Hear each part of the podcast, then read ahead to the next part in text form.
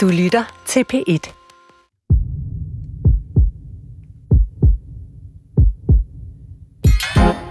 Er du øh, tonedøv, eller har du perfekt gehør? Tung på tå eller med danseben? Uanset hvor på skalaen din musikalitet ligger, så kan du godt regne med, at du som menneske er et unikt musikalsk talent. I hvert fald sammenlignet med andre dyrearter. Vores kæmpe store hjerne er en mester i mønstergenkendelse, og musik er bare et klasse eksempel på mønstre, som får vores hjerner til sådan at smelte helt hen i ren fryd. Hvem kender ikke fornemmelsen af et stykke musik, som på perfekt vis mestrer balancegangen mellem genkendelige harmonier i blandet enkelte frække, uforudsete akkorder og pirrende antrit. Af den grund kan musik bruges til at forstå, hvordan hjernen fungerer, og hvad det er, der kortslutter og skaber dissonans i hjernen, som rammes af sygdom. Musikterapi er desuden begyndt at vinde indpas til lindring af hjernesygdomme, såsom Alzheimer's, demens og Parkinson. Og i nogle opvågningsstuer, der flyder blide toner af Bach og Chopin for at dæmpe angst og smerte, når man vågner op efter en operation.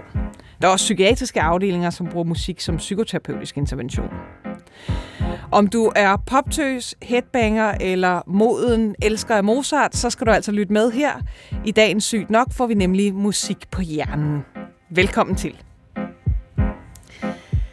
Og øh, i dag så øh, har jeg, Maja Thiele, øh, fået lov at svinge taktstokken over dagens ene gæst, Peter Wust. Velkommen til, Peter. Tak for det. Øh, du er øh, professor både på det Jyske Musikkonservatorium og på Aarhus Universitet, hvor du leder Center for Music in the Brain, altså musik på hjernen. Øhm, og, og, øh, og så er du øh, ovenikøbet øh, helt frisk med et øh, nyt album. Ja, som, er som vi skal øh, sådan tiger lytteren lidt med, at der kommer en smagsprøve på til allersidst i programmet. så altså, man den, skal endelig hænge på. den hedder Further to Fly, og er med fem gange vust, for det skal være løgn. Øhm, og, og Peter, altså sådan, øhm, jeg indledte jo med at, at sige, at man som, som menneske godt kunne være sikker på, at man var et unikt musikalsk øh, talent, øh, når man i sammenligning med andre arter. Og, altså, hvad er det lige med, med mennesker og musik, som er så specielt? Ja, det er så svært at forstå i virkeligheden, at vi har fået den her gave. Fordi der er masser af dyrearter, der har dele af det, vi forstår som musikalitet. Men hele pakken, det har vi aldrig øh, mødt nogen, der, der ligesom øh, har. Og selvfølgelig er det svært, fordi man kan jo ikke spørge dem om, hvordan de, de oplever det. Men bare sådan noget så simpelt som at holde rytmen, det er der nærmest ingen dyr, der kan. Altså, der er en, nogle få papegøjearter, der er en øh, søløve, øh, fra Kalifornien, som, som man kan lære at, at holde rytmen, men det tager utrolig lang tid at lære den. Og aber for eksempel, de er helt håbløse til det. Øh, og, og, og, og det interessante ved aber, det er jo, fordi det er jo dem, vi sådan sammenligner os mest med, det er, at hvor vi er i stand til, når vi først har fået rytmen i et, i et nummer, så kan vi ligesom forudsige, når nu kommer det næste, så vi er vi hele tiden friske med den næste. Vi er faktisk som regel lidt for tidlige med, med at og, hvad hedder det, slå rytmen øh, øh, til musikken. Hvorimod aberne, de venter lige på at høre den, og så slår de den bagefter. Og det kan man godt lære den at gøre, men de er stadigvæk så de sådan, altid de er altid for sent. Okay. Altså, jeg vil jo tro, at jeg i virkeligheden var dårligere end en søløv til at holde rytmen, fordi jeg, jeg synes jo selv, jeg er, er tonedøv. Men da vi snakkede sammen her inden uh, programstart, der, det mente du bestemt ikke, jeg var. Hvad ja. er man så, når man er tonedøv? Jo, men altså, altså øh, nu kunne jeg jo høre, at du sang jo allerede med på noget der, og, og, og, og, og det, var da, det var da sådan nogenlunde melodien. Øh, altså, det der med tonedøvhed, der er faktisk en definition, og der er en bestemt test, man kan tage. Den ligger på nettet. Den hedder et eller andet, The Montreal, et eller andet. Det er en forskergruppe i Montreal under ledelse af Isabel Perez, der har lavet den. Og øh, det her battery, som man kan tage øh, på nettet, det vil så afsløre, om man rent faktisk går ind under den her betegnelse. Og typisk så kan man sige, at det at være tonedøv, det er typisk, altså, eller, eller det at have amusi, det er øh, defineret som at, at ikke kunne kende forskel på melodier. Det vil sige, at hvis man, når man hører altså, Happy fra, Birthday... Fra Ramstein til Beatles. Ja, lige præcis. altså, hvis man hører Happy Birthday sunget uden tekst, hvis man så ikke kan kende den, så er man tonedøv. Okay, Jamen, så, så tror jeg godt, jeg kan være med i hvert fald et stykke af vejen og, og gå lidt over søløv-niveau. Øh, men hvis vi så tager, tager spektret, altså fra, fra tonedøv i den ene ende, og så til, til komplet gehør øh, i den anden ja, ende. det hedder absolut gehør. Absolut gehør, sorry. Øh, på dansk, men perfect pitch på engelsk. Hvad, hvad, hvad er det så? Pitch. Jamen, det er så den meget, meget interessante øh, ting, som nogle musikere som regel har. Det er faktisk en ud af hver 10.000 typisk kunde, der har det her, som er i stand til, når, hvis man spiller et, øh, et A på klaveret, uden at de ser på klaveret, eller har haft et instrument i hånden, så siger de, at det er et A, eller et, en anden tone, så kan de sige, hvilken tone det er. Altså et helt utroligt mærkeligt øh, hvad hedder det, egenskab, som er enormt nemt at teste, fordi der er kun en 12. del chance for, at man rammer rigtigt første gang, og anden gang er der så kun en ud af 144. Men, men det kræver dog, at man kender noder så? øh, ja, og typisk er det også derfor, øh, altså de fleste, man kender til i hvert fald, de, de er musikere. Fordi meget, meget typisk så øh, viser det, øh, forskningen, at man skal have lært at spille et instrument, typisk før man er en øh, 6-7 år og man skal også helst have genet for det, fordi der er en meget, meget stærk genetisk dispo, disposition for det. Altså, hvis man har det i familien, er der øh, 16 gange så store chancer, 8-16 gange så store chancer for at have det, så hvis man ikke har det i familien. Så, så, så hvis man har de der to poler af ekstremitet, altså fra at være tonedøv til at have absolut gehør, Øh, og, og de begge dele øh, er, er stærkt genetisk betinget. Hvor, hvor meget kan man så selv, hvis man er en, øh, en dødelig dansker ind imellem, hvor meget kan man så selv lære sig af musikalitet? Jamen altså musikalitet er jo heldigvis en stor ting, der har alle mulige ting i sig. Kreativitet, øh, personlighed og udtrykke sin personlighed. Altså der findes jo eksempler på... Øh, på meget, meget store kunstnere, der i virkeligheden har nogle ret, øh, ret, ret store huller i deres musik, det, vi kalder øh, forståelse musikalitet. Og jeg vil ikke nævne nogen, for så kommer jeg sikkert til at og, hvad hedder det, fornærme nogen folks musiksmag. Men altså også folk, som jeg sætter meget højt, som, som måske har lidt svært ved at høre forskel på du og mol, men som kan udtrykke noget andet med det. Men det genetiske i forhold til det der med at høre toner, altså øh, almindeligt gehør, det vi kalder relativt gehør, som de fleste mennesker øh, har, så, som ikke ligger i de to øh, yderpunkter, der er der også en ekstremt stor genetisk øh, hvad hedder, disposition for det. Man har sådan nogle, øh, hvad hedder det, man har sådan nogle øh, tvillingforsøg, hvor man kan se, at hvis man tester enæggede tvillinger, så, øh, så scorer de utroligt tæt på hinanden. Men hvis de er tvægget, så er det hip som hop. Så, så altså, hvad skal vi sige, musikalitet og, og det at genkende toner, det er i virkeligheden to helt forskellige ting i din bog? Nej, det er jo ikke forskellige, fordi der er jo en masse der er jo en masse ting, der hører ind under det, og det er jo meget godt at kunne genkende toner, hvis man skal lave musik. Altså, det er nok, det er nok svært at lave øh, rigtig hold, langtidsholdbar musik, hvis man overhovedet ikke kan, kan genkende Happy Birthday. Øh, men, men øh, hvad hedder det? Der er mange ting, der skal til, og, og meget ofte, så det at, at være en stor kunstner, øh, måske lige fra en geni, det handler også om at arbejde uden om nogle af de ting, og se, hvad, hvad giver det egentlig? Jeg hører, jeg hører verden på en anden måde, og det kan jeg udtrykke på den her måde. Og, og når nu du står i det der... Øh hvad kan man sige, grænseland mellem, mellem musik og, og hjerneforskning, eller der, hvor det for alvor går op i en, i en, øh, i en højere enhed. Altså, kan du sige noget om, hvordan hjernen reagerer på musik? Altså, hvad, hvad er det, vores hjerner så godt kan lide ved musik? Ja, det, det, det er jo en lang historie, men hvis man lige skulle gøre det der med, med de her tonedøve og de absolut gehørs folk færdige, så er det jo sådan noget, hvor man faktisk har været inde og se på, hvad er forskellen i hjernen? Øh, hvad, hvad er det egentlig, der går galt? for, for personer, øh, som, som er, har amusi.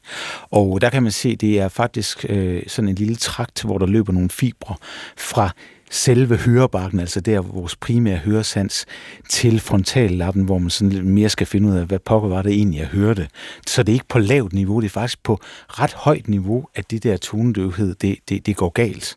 Hvilket jo er utrolig interessant øh, på mange måder, for det viser også, at øh, hvad hedder det, øh, øh, musik er jo, er jo noget, som kan være, øh, hvad hedder det, er jo ret højt, det er på ret højt plan i hjernen i virkeligheden. I forhold til absolut det, gehør. Det må du lige forklare. Ja, Hvad mener du med højt plan? Ja, jamen det jeg mener, det er, at, at hvis man øh, øh, personer, der er såkaldt tonedøve, dem kan man jo teste auditivt, og de hører, deres høresans helt op til, altså helt nede fra øret og hele vejen op igennem, det er lige så godt som alle mulige andres. Faktisk helt op på så højt plan, at de stadigvæk, øh, altså at når vi er i den primære hørebak, der, kan vi, der, der ser vi forskellen på frek- frekvenser. Så forskellen på frekvenser er i deres hjerner. De kan bare ikke bruge det til noget. Så, så, så det synes jeg er, er meget, meget interessant i virkeligheden for, for en hjerneforsker. Igen, det er der, vi kan bruge musik til faktisk at lære noget mere om hjernens øh, øh, højeste kognitive ja. funktioner. Ja, fordi når vi så, hvis vi holder lidt fast i det, hvad, altså vi ved, uden at gøre sig til dommer over, hvad der er god og dårlig musik, så ved vi også, at der, der er jo forskel, ikke? Og der er nogen, der, der øh, altså oplever den største nydelse ved, ved heavy metal, og andre oplever den største nydelse ved, ved klassisk, og nogle tredje ved jazz. Men, men kan man lave nogle generelle øh, regler eller forståelser for, hvornår en menneskehjerne sådan virkelig nyder musik, og hvad, hvad det er ved musikken, som som, som får det hele til at gå op i en højere enhed i vores hjerner? Ja, altså en af de ting, som vi jo i hvert fald ved om hjernen, det er, at øh, det stof, der hedder dopamin, er stærkt involveret i vores nydelse af musik. Man har de her forsøg, hvor når hårene rejser sig på armene af folk, så kan man se, at der bliver sendt mere dopamin ud i vores hjerner. Og det er jo også det, vi kender som belønningsstoffet, det der gør os en lille smule høje, når vi gør noget godt for vores overlevelse. Det er i hvert fald sådan den gængse måde at forklare det på. Men der kommer en, det underliggende i det er meget mere interessant, og det, det er så det, øh, som jeg har skrevet rigtig mange artikler, senest en, en artikel, der kom ud i Nature her for 14 dage siden, og øh, øh, det handler om, at, ved, at, at det, som musik i virkeligheden gør hele tiden, det er, at det leger med vores forventninger. Det vil sige, øh, det kender de fleste, når de hører en, en, en eller et, et af deres yndlingsnumre, og så ved vi, at det kommer hen mod det her store sted, og så, uh, det er der, det sker.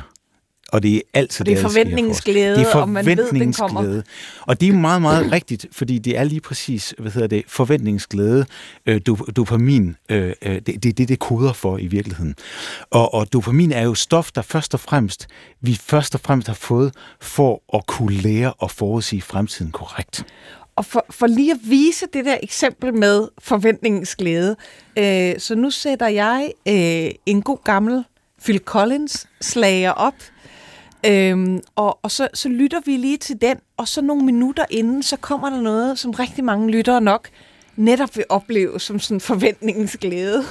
Eller det modsatte. Eller det modsatte. Det, og det er øh, selvfølgelig In the Air Tonight. Øh, vi, vi tager lige de indledende øh, strofer her.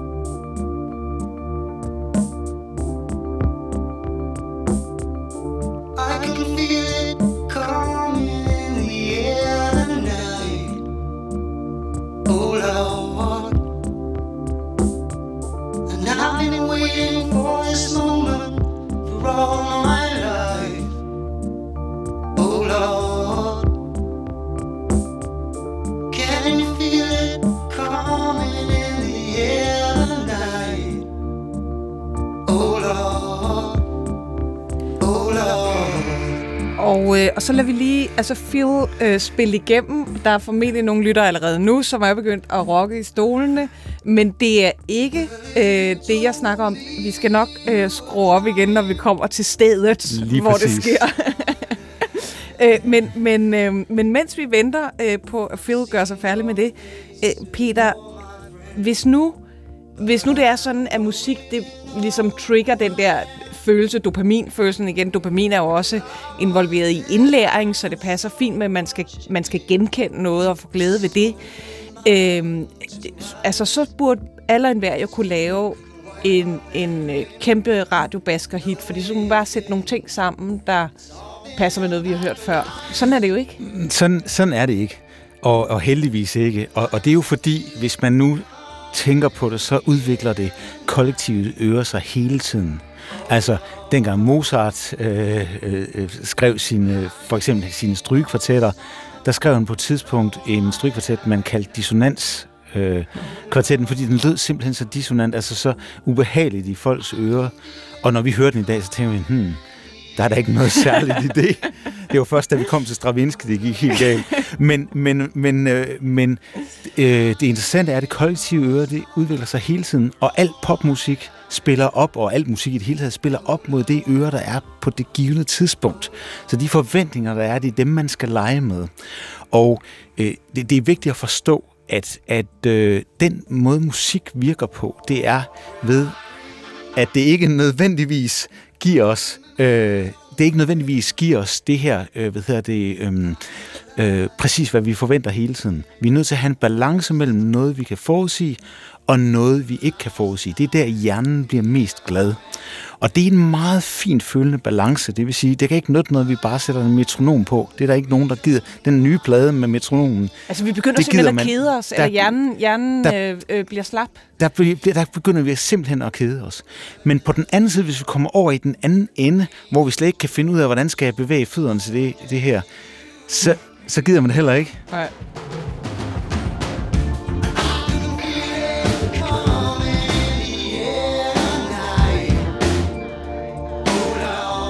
Og der var det simpelthen, det var, det var jo trommerne, der kommer ind øh, her, altså efter et par minutter. Og, øh, og Peter, hvorfor er det ja. så fedt? og det er lige præcis det her.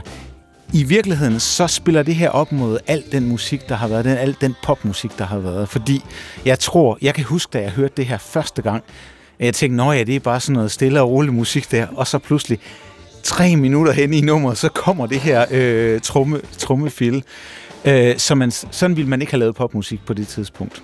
Så det vil sige, at, at øh, han leger faktisk med formen, altså hele formen for, hvordan sådan et nummer kan være.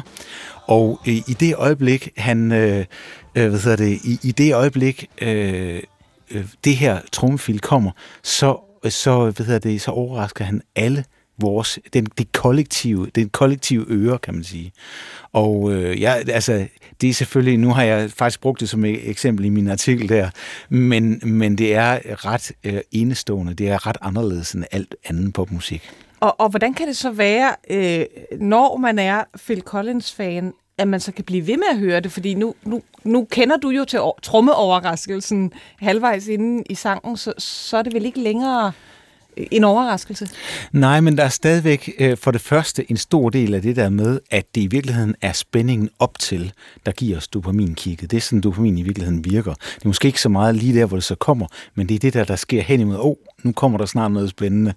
Øh, så så øh, den, den ting i sig selv er, er interessant, men det er, der er noget andet på spil i forhold til musik, fordi noget, som musik kan, det er, at vi kan høre et musikstykke rigtig mange gange. Øh, vi, vi, vi, kan, vi kan høre det. Jeg, der er nogle stykker af musik, jeg har hørt det tusind gange måske, øh, og jeg synes stadigvæk, det er fantastisk, øh, de, de forskellige ting, der sker. Og det er fordi, de forventninger, som man leger med i musik, de trækker på nogle forskellige hukommelsessystemer i hjernen. Altså, der er det hukommelsessystem, som, som handler om, at vi har hørt det mange gange. Okay, når jeg har hørt det tre gange, så ved jeg, at det, det, det, det sker på det her tidspunkt. Okay, så bliver det ikke overrasket. Men der er nogle andre system, systemer, der handler om det, som musik altid gør. Altså som vi har lært igennem at høre musik hele vores liv, altså det vi kalder skematisk hukommelse. Og den skematiske hukommelse, den vil man blive ved med at overraske. Altså i det her tilfælde, når man nu hører, det er lidt lang tid siden, jeg har hørt Bill Collins, mm. men har det stadigvæk sådan, det er stadigvæk sådan, hvorfor kommer det ikke snart, det der, det der sted? Fordi Øh, så, sådan, sådan, øh, vi lærer tingene ved det, der hedder statistisk læring. Og her vil jeg lige tage et eksempel. De fleste, der har børn, de ved, at på et eller andet tidspunkt, så synes de, det er utrolig sjovt at tage en sut og vælte ned på gulvet. Så løfter man den som forældre op igen, og så vælter de ned på gulvet igen. Og det kan de blive ved med, og de synes, det er evigt morsomt, og det er mega irriterende for forældrene. Og, øh, og, og det, der Øh, det, det, der så er det interessante, det er, at, øh, at barnet er i virkeligheden ved at lære om tyngdekraften. Og det lærer, at jamen, 100% af gangene, der falder den her, øh, der falder den ned på jorden. så, så nu ved og der får den en lille smule, et dopaminkick, fordi dopamin er ved at lære den at gøre det her, så den synes, det er sjovt at gøre det her. Så på et tidspunkt, så finder den, det gør den jo altid, det er jo ikke så sjovt. Men så den dag, barnet ser den her ballon, der pludselig falder den anden vej, øh, fordi den har heliumisa eller et eller andet, så er det vildt morsomt. Ikke? Så det er i virkeligheden det er sådan nogle, nogle mekanismer, som, som, hvad hedder det, som er meget mere indgroet, sådan nogle forventninger, som uanset hvor mange gange du hører øh, nummeret, så vil du stadigvæk tro, at sutten falder nedad. Så, så, så hvorfor har man ikke samme, hvad kan man sige, genkendelse ved jamen eksempelvis øh, skønlitteratur eller mm, film, teaterstykker? Det findes også. Øh, det findes også øh, i, i altså det, det, den slags struktur findes også, fordi der er også noget med at skabe spænding og så opløse dem på u, uventede måder og så videre. Men øh, jeg, jeg tror musik har det, at det er i udpræget grad bygget op om de her forventninger. Altså, der er mange andre ting i skønlitteratur, der er beskrivelser af, af hvad hedder det, øh, perioden, der er, øh, der er hvad, dialog, som, som er interessant og så videre. Men, men, og jeg siger jo heller ikke, at man kan godt læse bøger flere gange, det har jeg da også gjort, men nogle få bøger. Men, men øh, musik har den her helt specielle ting, at det er så udpræget øh, øh, hvad hedder det, forventninger. Hvis jeg bare synger da da da da da ua, da. Ba, vil vi så sige ja. øh, automatisk, ikke? Og hvis jeg så gør noget andet, da da da da ua, ba, så man tænker, nå ja, ret interessant. Og det kan jeg høre ret mange gange for, for min hjerne simpelthen. Det er så enkelt. Musik har en mere enkelt øh, ramme i virkeligheden. Det kan være utrolig lidt. Altså øh, selv minimalistisk øh, musik har alle de her forventningsting øh, i sig, som, som man kan bruge. Men selvfølgelig, det er et rigtig godt spørgsmål. Nu har vi øh, gjort øh, Phil-fansene glade. Øh, nu synes jeg også lige, at vi skal have øh, en anden aldersgruppe med i, hvis der var nogen, der fulgte med i, i Københavnernyhederne forleden, så var der jo kæmpe køkaos øh, ved Tivoli, fordi Andreas Odbjerg øh, spillede, og han er altså øh, min og mine børns og rigtig mange andres øh, helt øh, store ting lige nu. Øh, så vi hører lige, i morgen er der også en dag med Andreas Odbjerg.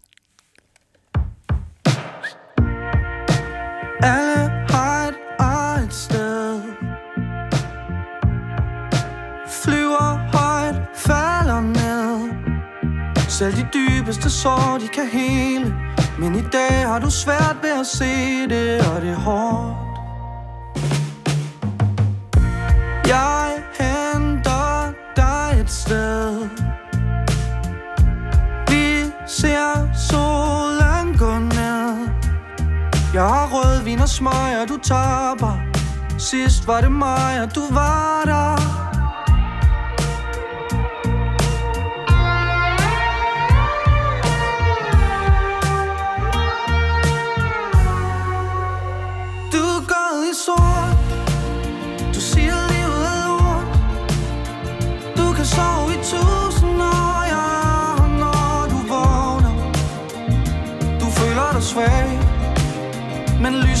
tilbage I morgen er der også en dag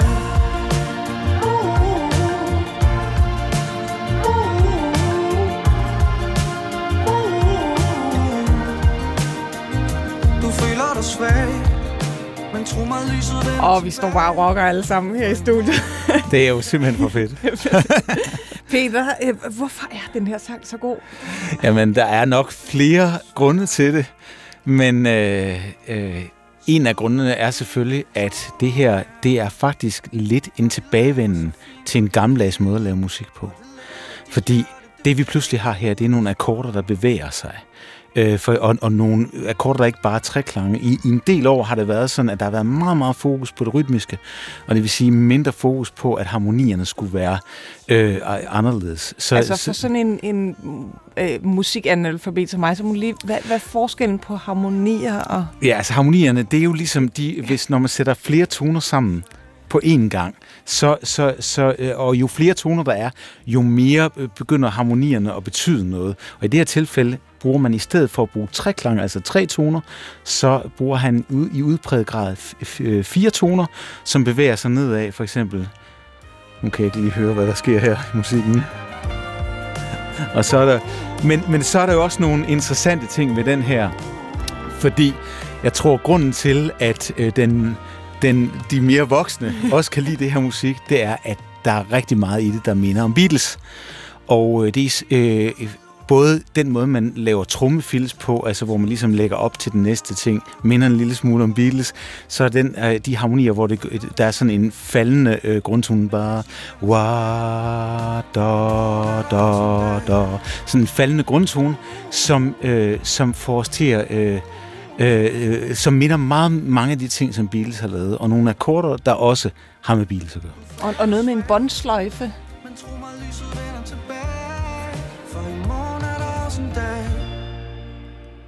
Og også noget med en båndsløjfe? Jo, altså de har sådan, de bruger, de starter allerede med at have sådan en slags fløjte. Det lyder lidt som sådan en, en, en sværfløjteagtighed, men det er sandsynligvis øh, det, der hedder en melotron, som Beatles gjorde berømte, som i virkeligheden sådan en lille båndsløjfe, som man havde, før man havde øh, de her øh, sampler og, og, og, og synthesizer, som man bruger nu om dagen. Så der er en hel masse, og der, der bliver også brugt rigtig guitar, sådan nogle guitar fills, som også får os, øh, får, får, får os til at tænke tilbage i tiden. Og øh, der er jo en meget interessant ting, når man tænker på, på musiksmag. Fordi øh, vores musiksmag, den bliver typisk dannet. Det musik, vi bedst kan lide, det er sådan omkring 14 års alderen. Lidt tidligere for piger, lidt senere for drenge, som så vanligt.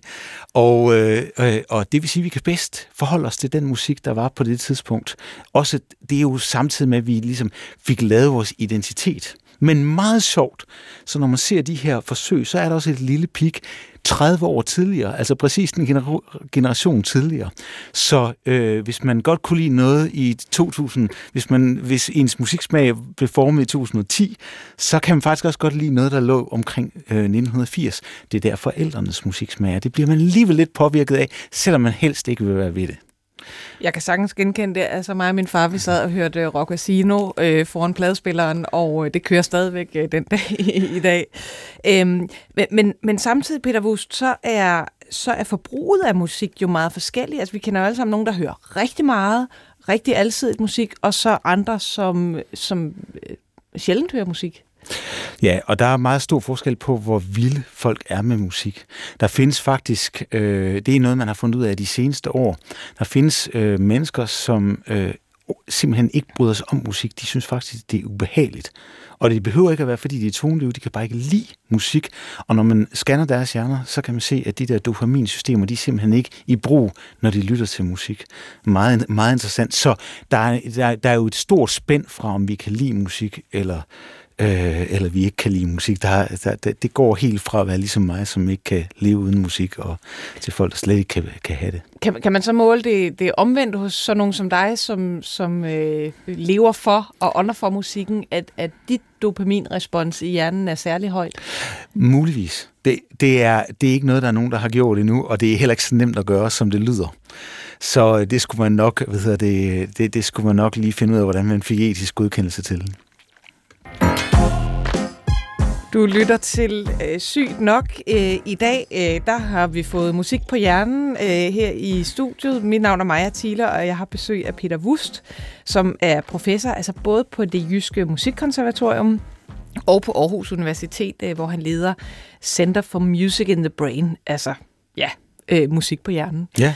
Øhm, og, og, og vi er jo et, et sundhedsprogram, så vi skal selvfølgelig også snakke en lille smule øh, om sundhed. Jeg synes, øh, vi har været meget godt inde på, hvorfor musik øh, kan hjælpe så godt på den mentale sundhed.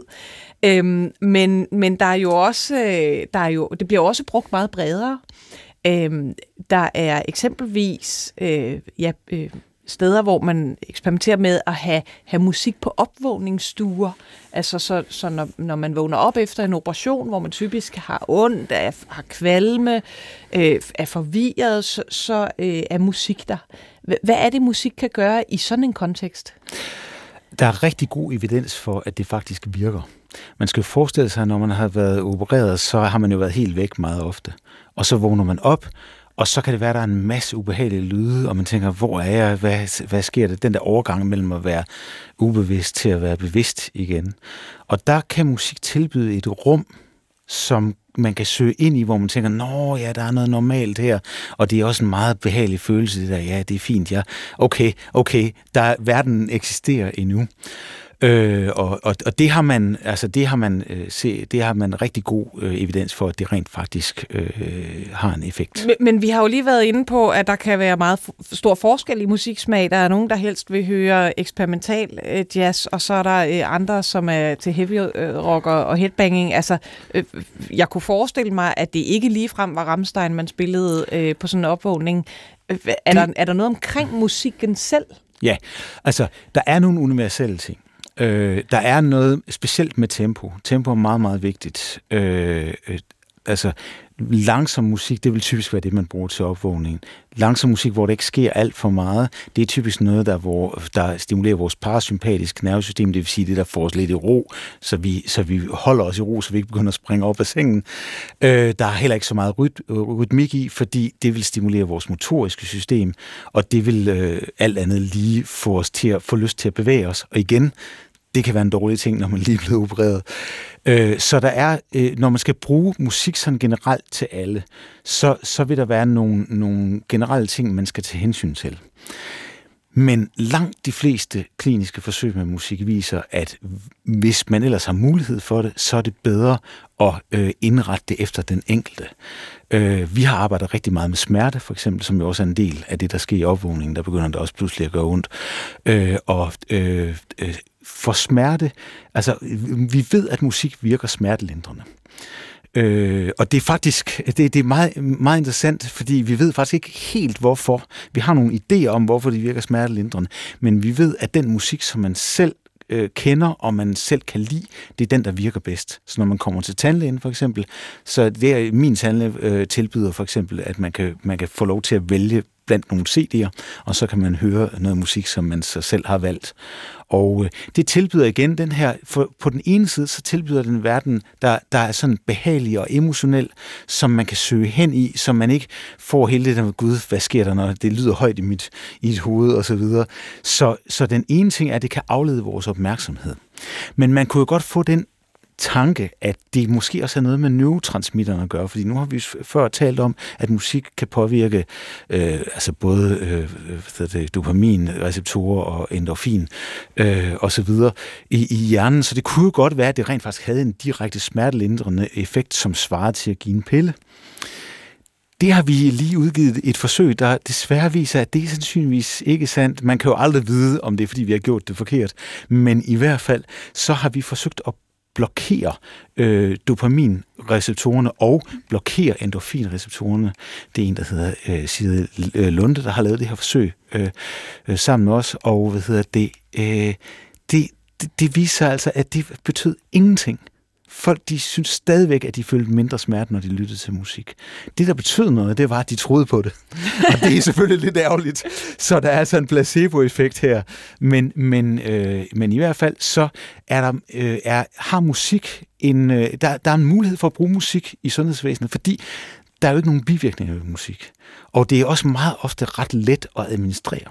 Så, så derfor kan der være gode grunde til at tage det ind som en, et supplement til anden, øh, hvad hedder det, Øh, øh, altså til medicin selvfølgelig. Man kan ikke erstatte medicin mm. med, med, med musik, men det, kunne være, det kan være meget godt, hvis, der, hvis man har en situation, hvor der er meget angst forbundet med altså kemoterapi eller, eller øh, anden, øh, anden slags øh, øh, andre ting. Men, men, men når man, hvis man sætter sådan øh, en lang række elektroder øh, øh, på hovedet af folk med, med sådan en flot, det kan man gøre med sådan en flot hjelm, ja. og så stikker der en masse øh, ledninger øh, op, som så altså måler hvad skal vi sige, elektriske spændinger hen over yes. hele hjernen, uden at stikke noget ned i hjernen, vel at mærke, øh, så, så kan man altså øh, simpelthen se, aflæse på hjernens øh, aktivitet, når der spilles musik. Øh, så, så det er vel også, det gør det vel ekstra svært at, at forske i, fordi det må betyde, at musik altså aktiveres jamen, simpelthen hele hjernen, så det vel heller næppe sådan en enkelt neurotransmitter i et lille Nej. signalområde. Nej, og, og, og det er jo derfor, vi har et center med 35 ansatte, der render og, og der, der laver det her. Altså når du nu siger EEG, så er det jo ekstremt velegnet til musik. Altså den her øh, elektrode... Ja, de der elektroder på, hjernen, ja. fordi de måler jo i virkeligheden, når der løber en lille strøm øh, i hjernen, så, så kan man måle de potentiale forskelle, der er. Og det er utrolig hurtigt.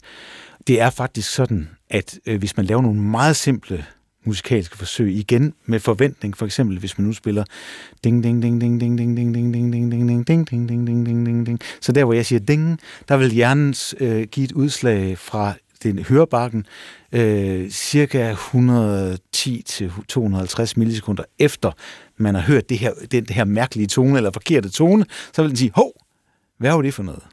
Og se, øh, det, det vil sige, at der kan vi sådan set ved den her teknik finde ud af, jamen, hvordan øh, hvordan dannes forventningsmekanismerne i hjernen sådan på det rent auditive øh, plan. Men Øh, så, og, det, det, og det kan man gøre meget, meget mere komplekst, end jeg har sagt nu. Men man kan selvfølgelig øh, bryde alle mulige mønstre på den her måde. Men det interessante ved det, det er, at det kan fortælle os noget om, om øh, de enkelte hjerner. Altså ikke helt enkelte hjerner, men hvis man for eksempel tager musikere ind, og så folk, som aldrig har spillet et instrument, og sammenligner dem, så kan vi se, at musikernes udslag er langt højere, og øh, nogle gange også mere i den venstre side af hjernen end ikke-musikerne på den måde, så kan man altså bruge de her teknikker til at danne sådan et, en, en eller idé om hjernens plasticitet. Hvad sker der egentlig, når man bliver rigtig god til noget, øh, øh for eksempel?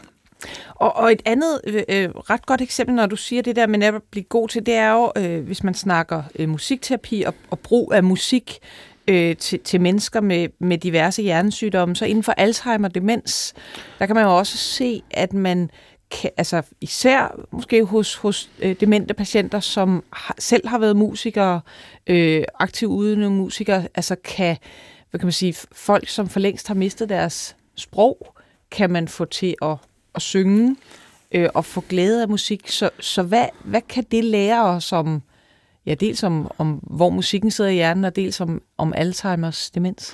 Jamen altså, der er et virkelig interessant forsøg, der blev lavet på Max Planck i øh, Tyskland, hvor de øh, tog en masse Alzheimer-patienter, og så så de på, hvordan hjernen, den, øh, de målte på, hvordan den degenererede, hvilke af dele af hjernen, der, der først gik væk, kan man sige.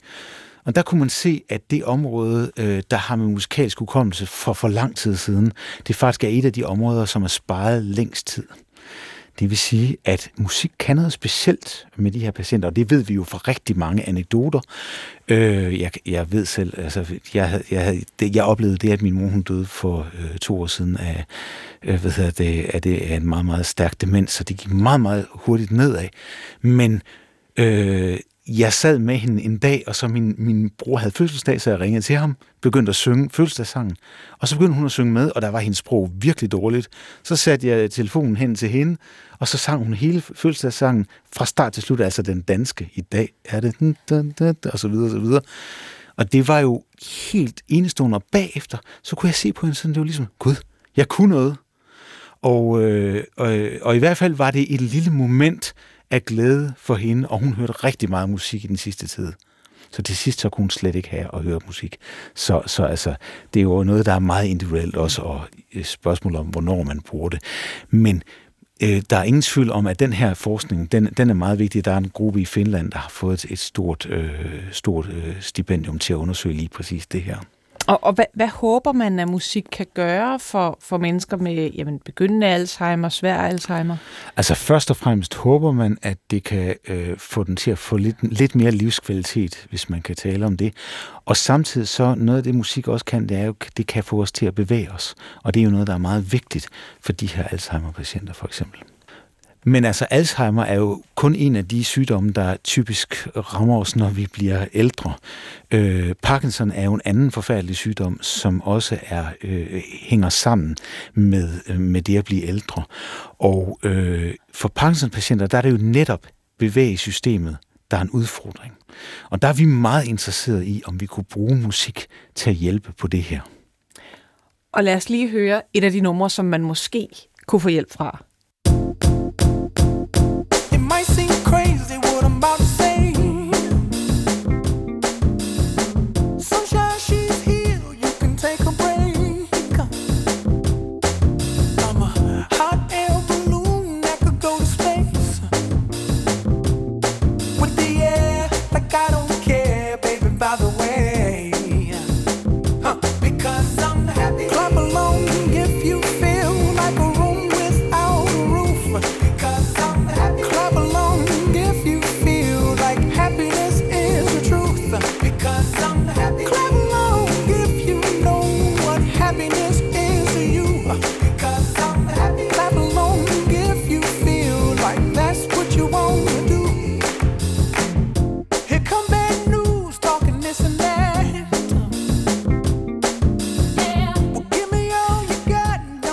Nok øh, komme ind på, øh, hvorfor man kan, og hvordan man kan bruge musik til, til Parkinson-sygdom, øh, som jo sådan en, en, ja, en, en stivende sygdom, sådan neuromotorisk, ja. altså den går både over hjernen og, og over især øh, øh motorikken.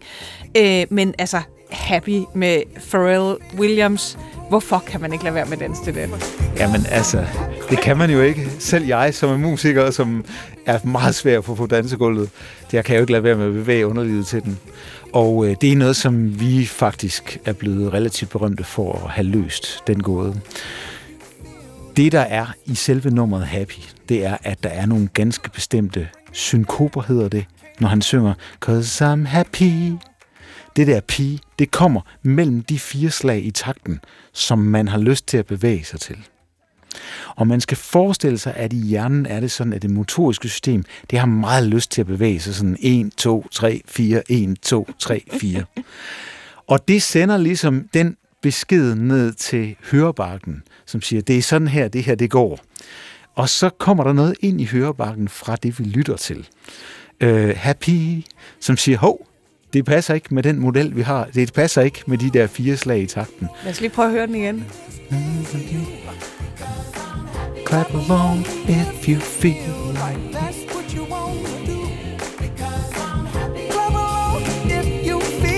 Alle de der, if you feel, det er, hvad hedder det, det er synkoper.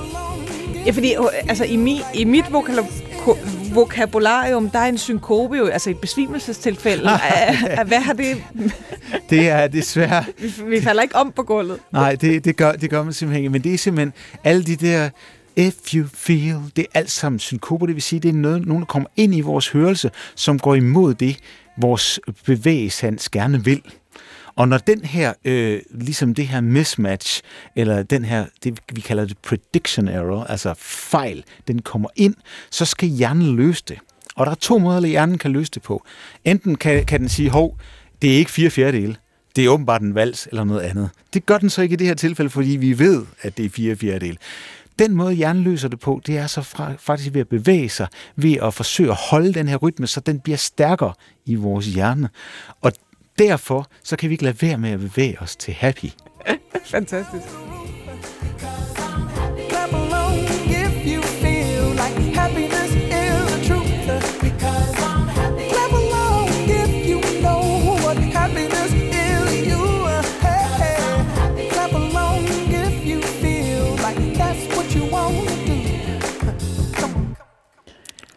Og det var altså øh, Peter Wust, øh, der forklarede, øh, hvorfor øh, Happy med Pharrell Williams øh, simpelthen er det dansenummer, man ikke kan øh, stå stille til. Øh, og, og, og Peter, øh, ja, som leder på, på det her Center for Music in the Brain, så arbejder vi netop også med, med Parkinson. Ja. Hvad er det, musik kan øh, inden for den sygdom? Ja, så det som, øh, det, som vi ved om, om Parkinson, det er jo, at det er en bevægelsessygdom. Der er for lidt dopamin i vores hjerne. Vores, hvad hedder det, der bliver produceret for lidt dopamin, og det gør, at man får sådan nogle stive bevægelser. Nogle gange så fryser man, og så kan man ikke starte bevægelsen, når man så kommer i gang, så kan man ikke stoppe den. Og øh, det, som øh, man har vidst i lang tid, det var, at hvis man havde en Parkinson-patient, som frøs, så rigtig mange af dem, hvis man, hvis man bare gør sådan her, så begynder de at bevæge sig igen. Det vil sige, det ved at give dem noget auditivt, så bliver det motoriske system stimuleret på en måde, så det kommer i gang igen. Det kunne man jo godt forestille sig, at det virkede endnu bedre, hvis det nu var rigtig musik, fordi det har de fleste mennesker, de, har jo, de bevæger sig jo til musik, som vi lige hørte øh, Happy før, ikke? Altså, må ikke det ville være bedre for Parkinson-patienter? Det har vi været i gang med at undersøge. Det viser sig, at det er ikke nødvendigvis sådan. Hvis de fleste Parkinson-patienter, de kan faktisk bedre lide det, hvis det, de kan ikke lide den der metronom. Det, det virker ikke så godt. Det virker, men det virker ikke så godt. Men hvis rytmen er meget, meget simpel, men der er noget mere kød på det. Altså hvis du for eksempel siger, så virker det faktisk bedre end metronomen. Men så snart vi kommer over i, i happy, så bliver det for komplekst til, at det motoriske system og hjernen i det hele taget kan løse det her problem med at få uddraget de her, øh, hvad det, den her rytme, man skal bevæge sig til. Så, og det vi så har kigget på, det er, at vi har så været inde i hjernen og set på, hvordan ser det så egentlig ud i hjernen. Og det man kan se, det er, at øh, i det øjeblik, der kommer ja, metronom, det, det engagerer kun hørebarken hos de her Parkinson-patienter. Men det øjeblik, der kommer nogle, øh, altså en rytme på, men den er simpel, så kan man se, hvordan de præmotoriske områder kommer i gang. Er det en måde i virkeligheden, hvis man siger, øh, at hjernen var en karklud, og den var næsten tør, der var kun få dråber dopamin tilbage, så vrider vi lige øh, karkluden ekstra godt ved hjælp af den metode? Det kunne man godt sige, men det ved vi faktisk ikke noget om, fordi vi ved ikke noget om, det har noget som helst med dopamin at gøre. Igen, vi kender ikke mekanismen til det her, men vi ved, vi kan se, når vi laver MR-scanninger af deres hjerner, så kan vi se, at de her områder, der der gerne vil sætte bevægelsen i gang, de kommer i sving, så snart der kommer lidt kød på rytmen. Men så snart, når vi så får, når så rytmen bliver for kompleks, så går det væk igen, så bliver det faktisk antikorreleret. Det vil sige, at så virker det faktisk modsat. Så det er meget vigtigt, hvilken type rytme man spiller for Parkinson-patienter. Det er selvfølgelig noget, vi er i gang med at lave, og utrolig interesseret i, hvordan de her ting de ender. Men øh, jeg synes, det er meget smukt, at man på den her måde ved at forstå, hvad er mekanismen i musikken, altså det der med synkoper og så videre, forstå det i normalt, øh, i, i normalt øh, hvad hedder det, øh, øh, ty, typisk, typiske mennesker, og så øh, se, så kan man faktisk bruge den viden til at øh, bruge det klinisk i forbindelse i det her tilfælde med Parkinson-patienter. Og nu har du nævnt øh, dopamin som sådan en neurotransmitter, altså en af de signalstoffer, der, der fungerer op i hjernen, blandt andet i forhold til belønning, også i forhold til indlæring. Øh, oxytocin, det er jo sådan et, et andet signalstof, som, øh, som man, kan, man kan kalde det kærlighedstransmitteren måske. Det har haft mange navne. ja. Kært barn har mange navne. Det, det har I også undersøgt. Ja, altså øh, vi lavede et... Øh, vi, vi er meget interesserede i, hvad der sker, når folk laver musik sammen. Det er noget af det, vi er mest interesseret i i øjeblikket. Og øh, det kommer så egentlig af, at vi for nu, et par år siden, øh, øh, jeg fandt på, at man kunne, man, kunne, hvad hedder det, man kunne sætte folk i to rum, og så kunne de sidde og forsøge at holde rytmen sammen. Og det var sådan en meget lille bitte minimalistisk forsøg, så man kunne se, hvad sker der egentlig, når personer holder rytmen sammen. Og øh, øh, der kunne vi så se, at når vi gav forsøgspersoner, et, et, et par af forsøgspersoner oxytocin, så blev de faktisk bedre til at synkronisere de her, hvad hedder det, vi kalder det taps, altså når de sad og forsøgte at holde rytmen sammen. Til gengæld blev de ringere til at hvad hedder det, holde tempoet. Så, så jeg havde jo ellers troet, at jeg kunne sælge det her til symfoniorkestret, men, men det er nok en dårlig idé. Øh, men, men under alle omstændigheder, så er det jo igen noget med at se på, hvad er mekanismerne bag det her musik kan. Fordi hvis man skal ned sådan og forstå, hvorfor vi overhovedet har musik, så er det jo sandsynligvis, det hænger sammen med det her fællesskab, vi kan, vi kan øh, vi kan skabe gennem musik, og først og fremmest det, at musik kan få os til at blive bevæget sammen, og til at bevæge os sammen på samme Og man kan, man kan sige, altså, noget, nogle af de tidspunkter i et menneskes liv, hvor man ser de højeste sådan oxytocin, naturlige oxytocin-boost, det er jo altså øh, efter en fødsel øh, For i, i forhold til tilknytningen mellem mor og barn, og også øh, efter sex. Øh, så, så det passer jo meget godt med, det er sådan, det, det binder os sammen. Det, ja, altså det er, det, vel, det er vel det, det ved du mere om jeg, men det er vel det stof, man giver, når man skal have sat fødslen i gang, hvis ikke den vil gå i gang af sig selv. men, men den kommer, det kommer helt af sig selv Den kommer helt af sig selv.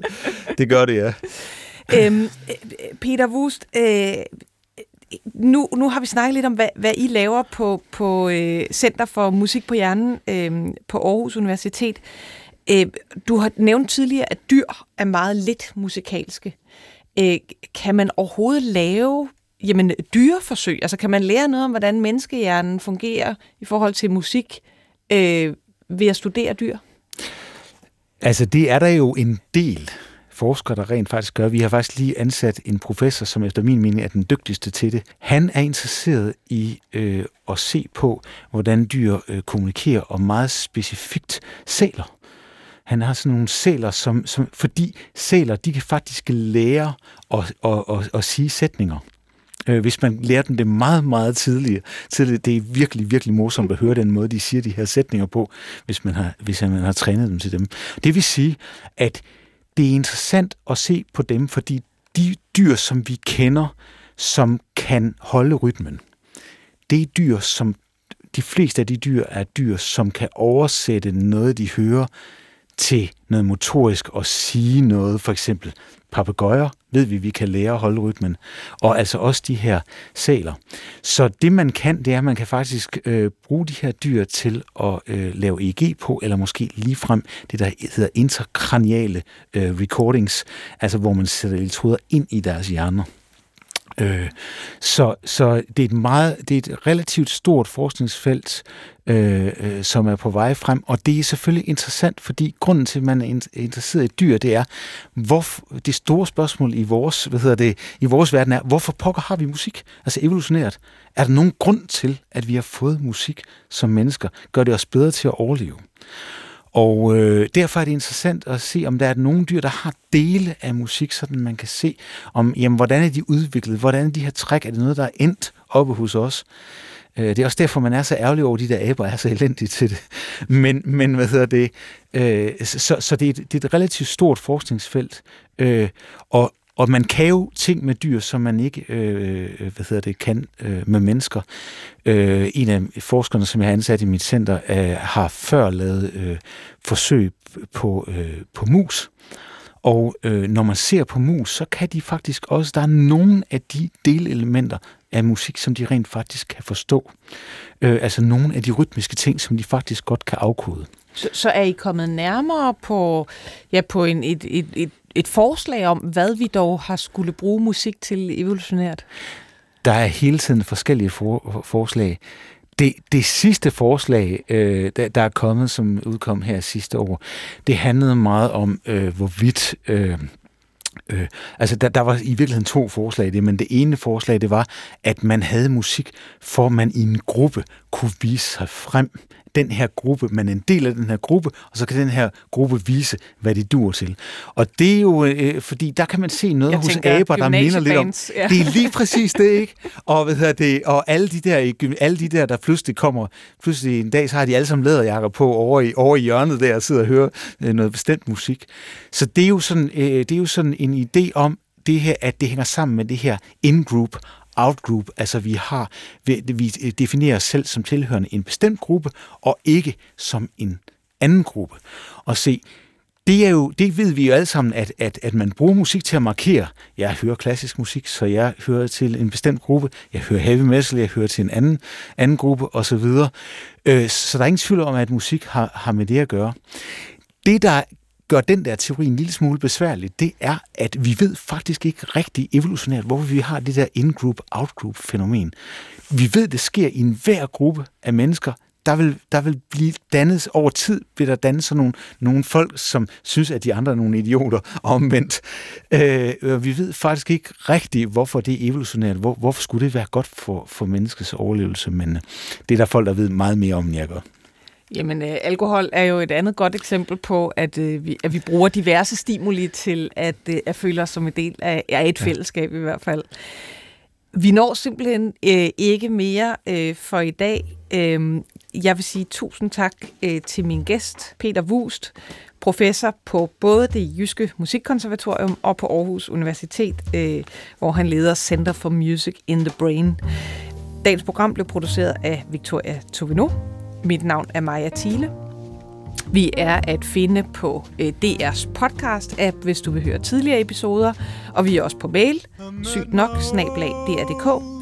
Og inden vi så øh, slutter helt, eller retter som afslutning, så skal vi øh, simpelthen høre øh, fem gange vust.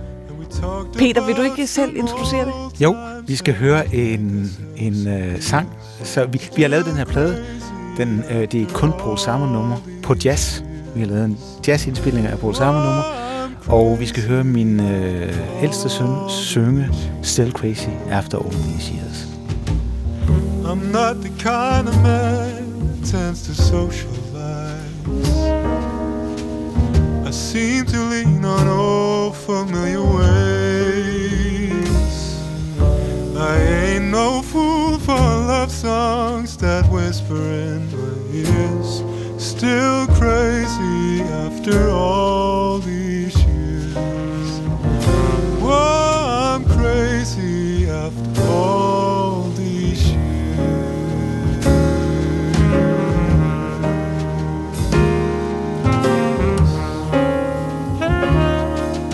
It's four in the morning, I'm tapped out.